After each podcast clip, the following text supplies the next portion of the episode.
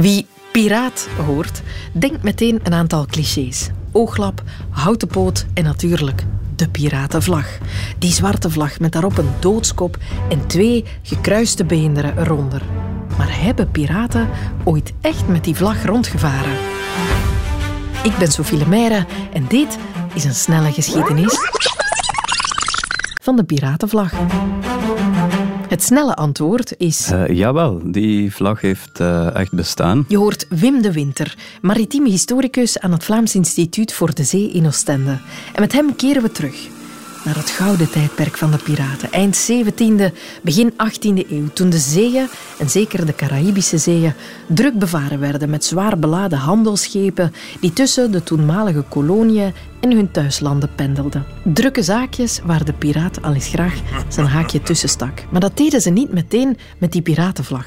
In de eerste plaats gebruikte men natuurlijk ook de valse vlaggen van uh, andere landen om zich voor te doen als een Frans of een Engels uh, schip. Een bevriende natie. Ja, een bevriende natie, om dus dichtbij te kunnen geraken en dan uh, de piratenvlag te hijsen, zeg maar. De piratenvlag. Ook wel gekend als de Jolly Roger, die vlag met de doodskop en de gekruiste beenderen.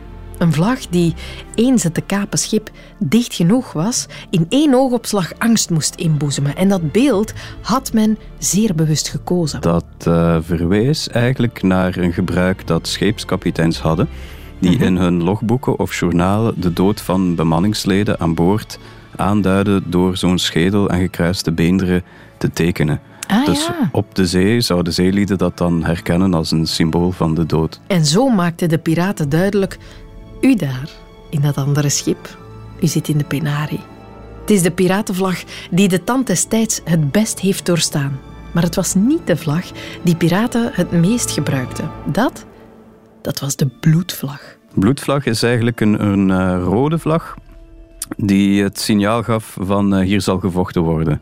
In het Engels zegt men no quarter given, dus uh, tot, tot de dood zal er geweld gebruikt worden. En die vlag kwam bij piraten het, wellicht het meest voor. Dat vinden we ook historisch gedocumenteerd zo. Ze konden er wat van hoor, die piraten van een ander de stuipen op het lijf jagen. Kapitein Zwartbaard bijvoorbeeld, een van de bekendste piraten, die stak net voor een aanval lonten in zijn baard en een soort traag brandende lucifers onder zijn hoed, waardoor hij er van ver uitzag als een soort mens geworden smeulende duivel.